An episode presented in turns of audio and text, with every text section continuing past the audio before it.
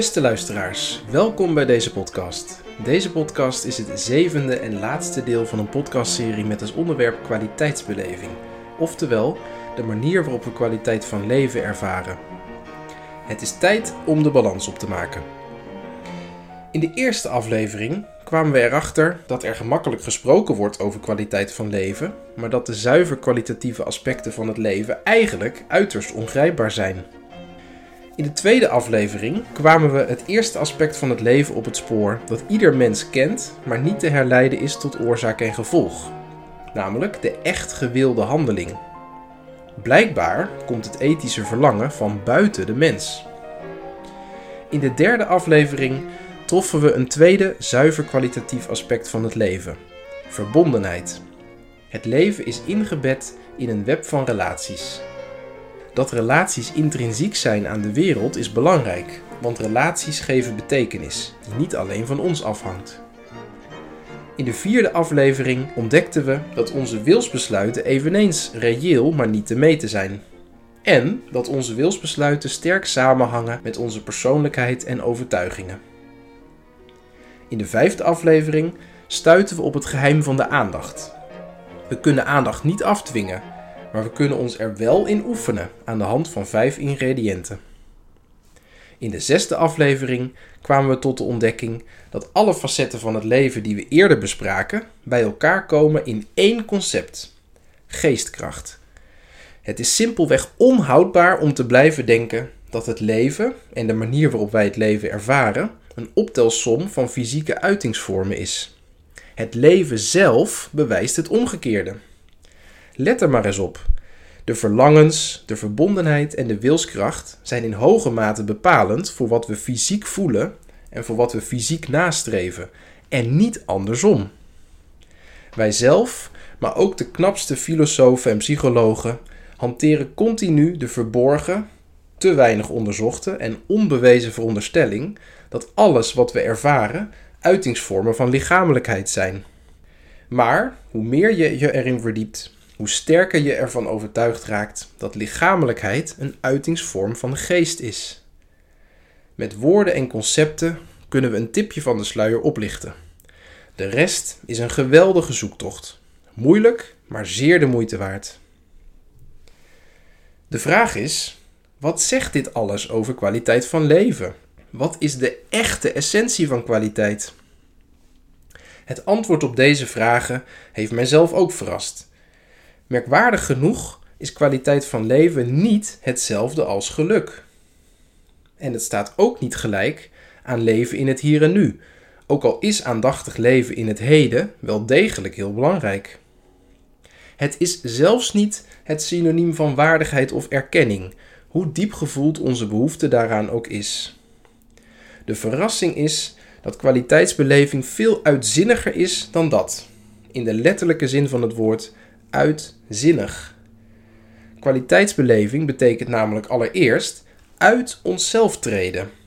Toestaan dat geestkracht je meeneemt om nieuwe verbondenheid te scheppen.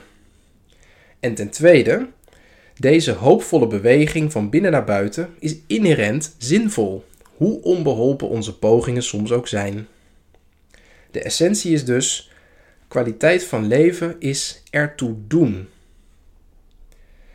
Waar we ons onvoldoende bewust van zijn geweest, is dat onze pogingen om kwaliteit van leven te meten leiden tot stilstand, tot verstarring. Deze verstarring kent twee uitersten. In het ene uiterste is de opgave om alle omstandigheden van het leven zo naar onze hand te zetten dat we perfect gelukkig zijn. In het andere uiterste is de opgave om ons juist te ontdoen van alle uiterlijke omstandigheden, om perfect innerlijk geluk te bereiken. Meestal proberen we nu beide. We werken keihard aan uiterlijk succes en mediteren net zo hard voor innerlijke rust. Maar stel dat je beide echt zou bereiken, al was het maar met een VR-bril, ben je dan tevreden? Nee, wij willen ertoe doen. We willen niet stilzitten op de top van de piramide. Dit leert ons dat niet het innerlijk of het uiterlijk, maar het leven zelf, de beweging van binnen naar buiten, de grote gave en opgave is. En dat de kern van deze opgave, het enige probleem dat echt alle moeite en inspanning waard is, is hoe we echt volop kunnen leven en hoe we verstarring kunnen vermijden. Daarom heeft kwaliteit van leven alles te maken met lef en met levensbeschouwing. Voor lef en levensbeschouwing gaan we, net als in aflevering 5, te raden bij Martin Luther King.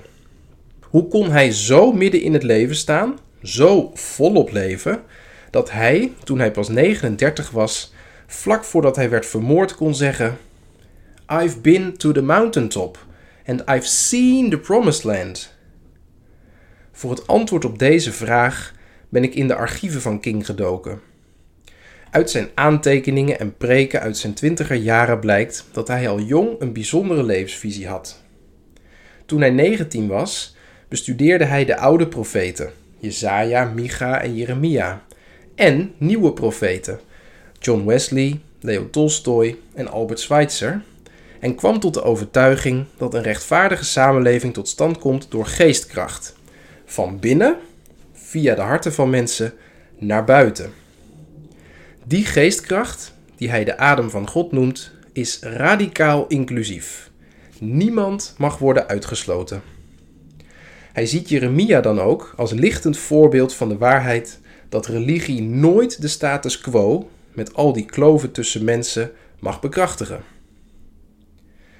Tegelijkertijd was hij al jong van overtuigd dat intenties zonder inzicht en zonder daden, verlangen naar een inclusieve samenleving zonder doordachte actie, niet werkt en vaak zelfs averechts werkt.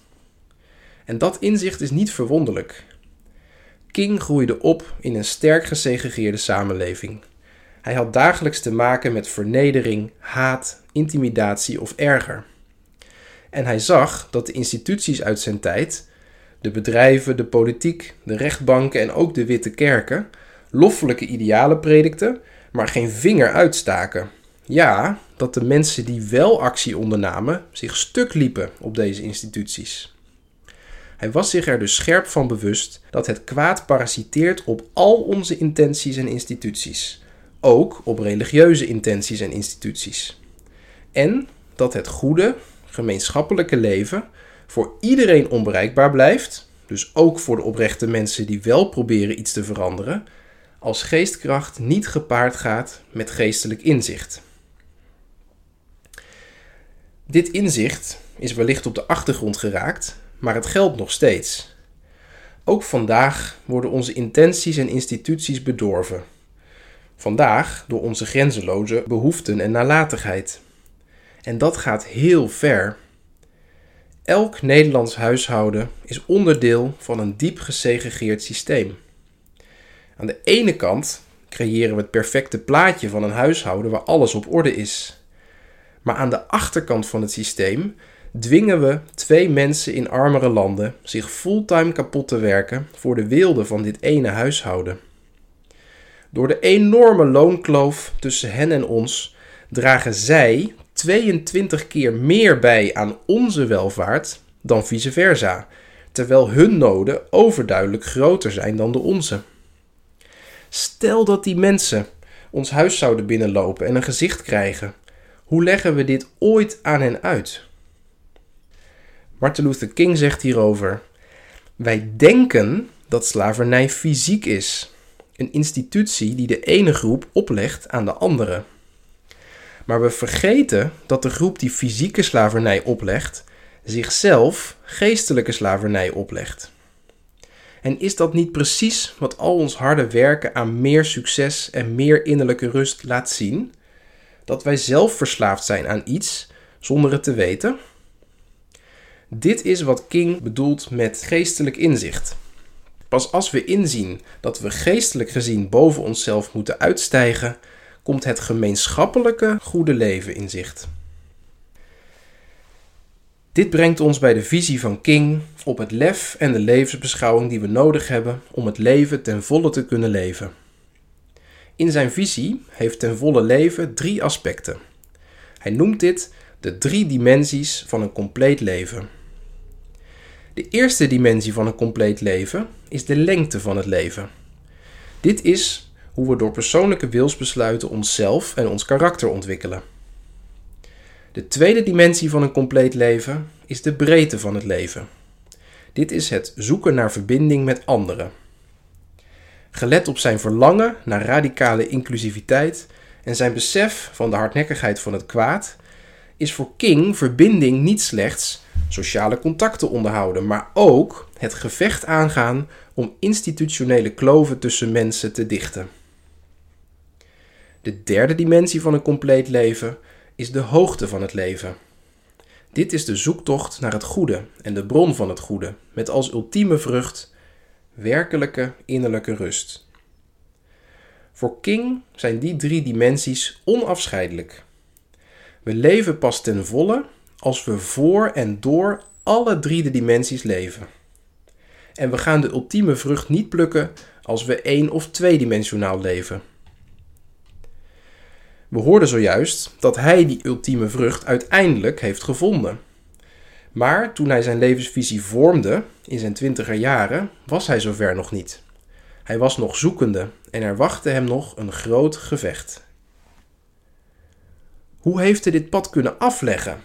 En waar haalde hij het lef vandaan? Zijn eigen krachtige antwoord is: Righteousness must be placed first. Rechtvaardigheid moet op de eerste plaats staan. Voor King heeft deze zin naast een emotionele lading ook een inhoudelijke lading.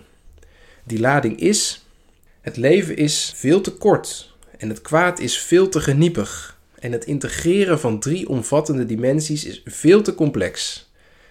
Het kan maar op één manier werken: rechtvaardigheid altijd en onvoorwaardelijk bovenaan zetten. Dat betekent je tijd en energie spenderen om niet medeplichtig te zijn aan systemen van onrecht. Je leven delen met anderen om nieuwe relaties te scheppen en, in de woorden van King zelf, indien nodig ons hele leven in de strijd gooien om onrecht en vernietiging van relaties te stoppen. Onrecht, segregatie, strijd. Waarom spelen deze onderwerpen in een podcastserie over kwaliteit van leven vanuit een relationeel wereldbeeld? Dit speelt omdat het streven en deze strijd onherroepelijk naar boven komen als we de drie kerningrediënten van kwaliteitsbeleven concreet maken. Zoals in het gezegde: The devil is in the details. Want wie gaat handelen vanuit ethisch verlangen? En wie beseft dat verbondenheid en inclusiviteit geen kerst op de taart zijn, maar de kern van ons bestaan? En wie door persoonlijke wilsbesluiten wil groeien als mens? Wie zo denkt, voelt en doet, ja, die persoon zal veel weerstanden moeten overwinnen. Dat kost tijd en strijd, maar het is het meer dan waard. Zeker als we bedenken dat de diepste hunkering achter ons streven naar kwaliteit van leven is ertoe doen. Door volharding groeien als mens, bouwen aan relaties en bijdragen aan een betere wereld, dat alles is uiterst zinvol. Uitzinnig. Een bewijs dat het relationele wereldbeeld en deze levensvisie harmoniëren, treffen we in de kracht van narratieven. Wetenschappers wijzen er keer op keer op dat er geen sterkere cultuurmakende kracht bestaat dan verhalen. En dat verhalen zo'n sterke cultuurdrager zijn dat het mensen door de grootste beproevingen heen sleept. Als verklaring wordt dan uiteraard genoemd dat ons brein heel vatbaar is voor verhalen. En daar zit vast wat in. Maar niet genoeg. We begrijpen nu, en we herkennen nu ook gevoelsmatig, dat elk doorleefd moment een verbonden moment is, waarop we een besluit kunnen nemen dat ertoe doet. En als je vecht voor rechtvaardigheid, er zelfs toe doet in drie dimensies tegelijk. We merken ook dat we weerstand ondervinden als we dit proberen. Fysieke weerstand, omdat het energie kost, maar ook mentale weerstand, om je bezwaren te boven te komen, sociale weerstand uiteraard, en soms ook een hardnekkig geïnstitutionaliseerd kwaad. En dit alles gebeurt in één enkel moment. Zowel het verlangen als die weerstand. Denk bijvoorbeeld aan het moment Dat je een horecamedewerker onheus bejegend ziet worden en je letterlijk opstaat om het recht te zetten. Al onderbreek je daarmee bijvoorbeeld een overleg. Eén zo'n doorleefd moment herbergt dus al een krachtig narratief. En stel nu dat er een tweede doorleefd moment volgt, waarop je die medewerker ziet glimlachen en je ziet dat een relatie hersteld is. En dan heb je al een plotwending te pakken. Proef die voldoening die zo'n plotwending geeft en daar vind je die kwaliteitsbeleving. Kortom, in een relationeel wereldbeeld, waarin onze ervaringen onderling en door de tijd heen verbonden zijn, is elke ervaring inherent narratief. Elk moment is er een spanning tussen verlangen en weerstand. Elk moment kan een keerpunt in je leven zijn, een drijfveer voor de rest van je leven. Ook het levensverhaal van een ander kan natuurlijk een drijfveer voor je zijn.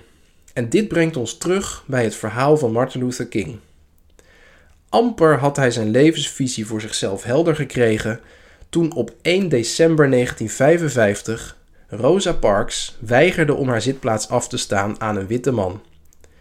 Negen dagen later wordt tijdens een ontmoeting in een kerk met de nieuwe dominee van de stad, King dus, besloten tot een boycott van al het openbaar vervoer als protest tegen segregatie.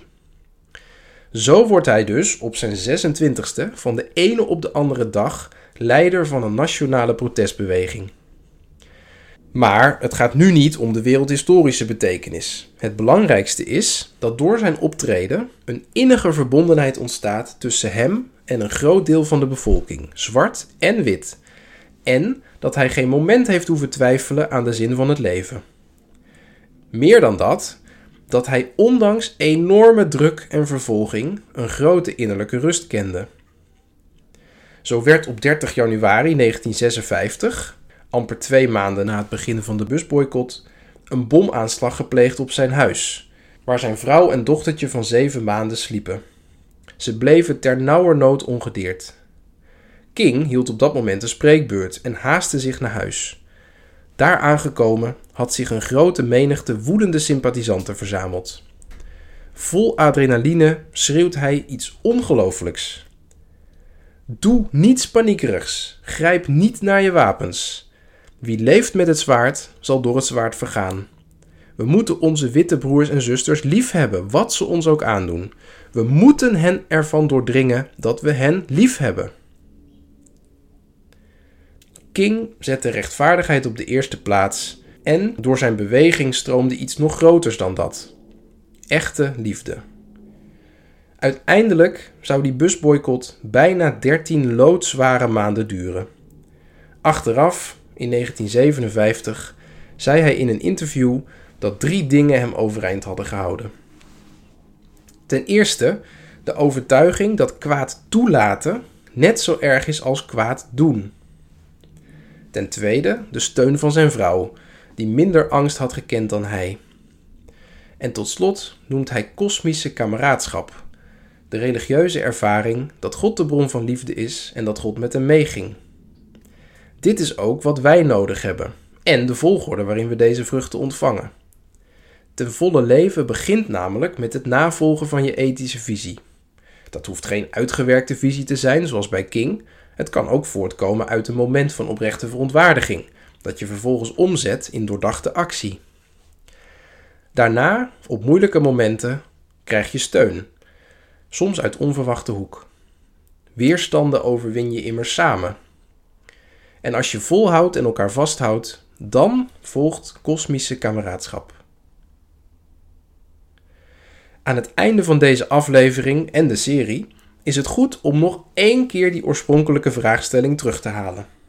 Die vraag is: wat bedoelen we nu eigenlijk met kwaliteit als we spreken over kwaliteit van leven? We stelden deze vraag in het licht van de hedendaagse tendens om alles als kwantificeerbaar te beschouwen, ook ons leven en onze psyche. En dan is het begrip kwaliteit van leven natuurlijk een illusie. Wellicht een prettige illusie, maar nog steeds een illusie. En dat knaagt aan ons. Want al krijgen we het niet beredeneerd, we voelen aan dat het leven een diepere kern heeft, die voelbaar is in de manier waarop we kwaliteit van leven ervaren. Dus niet in het wat, maar in het hoe. Vandaar die term kwaliteitsbeleving. Vanaf het begin van de podcastserie is gebleken dat het hoe van kwaliteit van leven ethisch geladen is. Het zit vol verlangen naar een betere toekomst. Dit verlangen is wat het leven echt en de moeite waard maakt. Zonder dit verlangen zou het leven net zo goed virtueel kunnen of mogen zijn. Er zijn helaas maar heel weinig denkers die het hoe van kwaliteit van leven en die het ethische verlangen serieus nemen. Vrijwel alle filosofen en wetenschappers zijn geobsedeerd door het cognitieve en het objectieve. En de enkele denkers die wel oog hebben voor verlangen, die noemen het purpose. En dat raakt absoluut niet de kern. Doelen zijn immers onderdeel van je leven, maar verlangens zijn juist alles bepalend voor je leven. Voor zover ik weet, hebben in de 20e eeuw alleen James, Wittgenstein en King recht gedaan aan deze diep menselijke waarheid. Die hele podcastserie leunt dan ook op hun schouders. Niet toevallig zijn ze alle drie diepgaand beïnvloed door Leo Tolstoy, die als geen ander mensen in en door zijn schrijven tot leven wist te wekken. Je vraagt je misschien af: ik zie de centrale rol van verlangen in het leven wel, maar waarom ligt zo sterk de nadruk op het plukken van die ultieme vrucht na zoveel inspanning, lef en volharding, zoals in het leven van King? Dat is een terechte vraag. Enerzijds is dit zo omdat verlangen per definitie van binnen naar buiten treedt, dynamisch is. Het leven kan dus niet zelfgenoegzaam zijn, op zichzelf staan. Anderzijds heeft het alles te maken met het relationele wereldbeeld, dat we vaak besproken hebben en dat ten grondslag ligt aan deze levensvisie. Als het daadwerkelijk zo is dat de wereld primair uit relaties bestaat en dan pas uit deeltjes en niet andersom, en daar zijn ijzersterke argumenten voor, zo hebben we gezien, dan kan het niet anders dan dat het goede leven een gemeenschappelijk leven is. Een relationeel wereldbeeld leidt dus tot een definitie van het goede leven als het gemeenschappelijke goede leven. En dus is het ook logisch dat het verlangen, Gods adem in de woorden van King, radicaal inclusief is en dat we daarvoor rechtvaardigheid op één moeten zetten en daar alles voor moeten geven. Maar die nadruk op inclusiviteit en inspanning heeft ook een verrassende keerzijde. Want wie ruimhartig geeft, zal ook ruim ontvangen. Primair in termen van geestelijke steun, maar uiteindelijk blijft ook materiële steun niet uit. Dat alles geeft een enorme voldoening die niet in woorden uit te drukken is. Vandaar dat zowel Tolstoy als King als ultieme onderbouwing van hun levensvisie teruggrijpen op de woorden van Jezus uit de bergreden. Streef boven alles naar rechtvaardigheid en al het andere zal je in de schoot geworpen worden. Voor Tolstoy en King was de religieuze bevestiging van belang en voor jou misschien ook. Maar ook als dat voor jou niet geldt, dan geldt nog steeds de waarheid dat juist wie zich op rechtvaardigheid richt, voldoening zal oogsten. En gek genoeg niet degene die zich richt op het zekerstellen van zijn of haar behoeften. Ook deze waarheid volgt logisch uit een relationeel wereldbeeld. Immers, als je ertoe besluit om te geven en te blijven geven, dan breng je je omgeving tot bloei en versterk je daarmee de relaties met je omgeving en in je omgeving. En zal dan niet de bloei van de gemeenschap, waar jij mee in relatie staat, ervoor zorgen dat je al het andere ontvangt? Het grijpt dus allemaal in elkaar. Je zou zelfs kunnen zeggen dat Martin Luther King de toegepaste ethiek geeft van het relationele denken dat James en anderen in intellectuele zin hebben uitgewerkt. We sluiten daarom af met een uitspraak van King waarin die toegepaste ethiek en het relationele denken samenkomen. It really boils down to this that all life is interrelated. We are all caught in an inescapable network of mutuality, tied in a single garment of destiny, and whatever affects one directly Yes, sir. Affects all indirectly. We are made to live together because of the interrelated structure of reality. Tot zover deze podcast. Bedankt voor het luisteren en voor alle mooie reacties.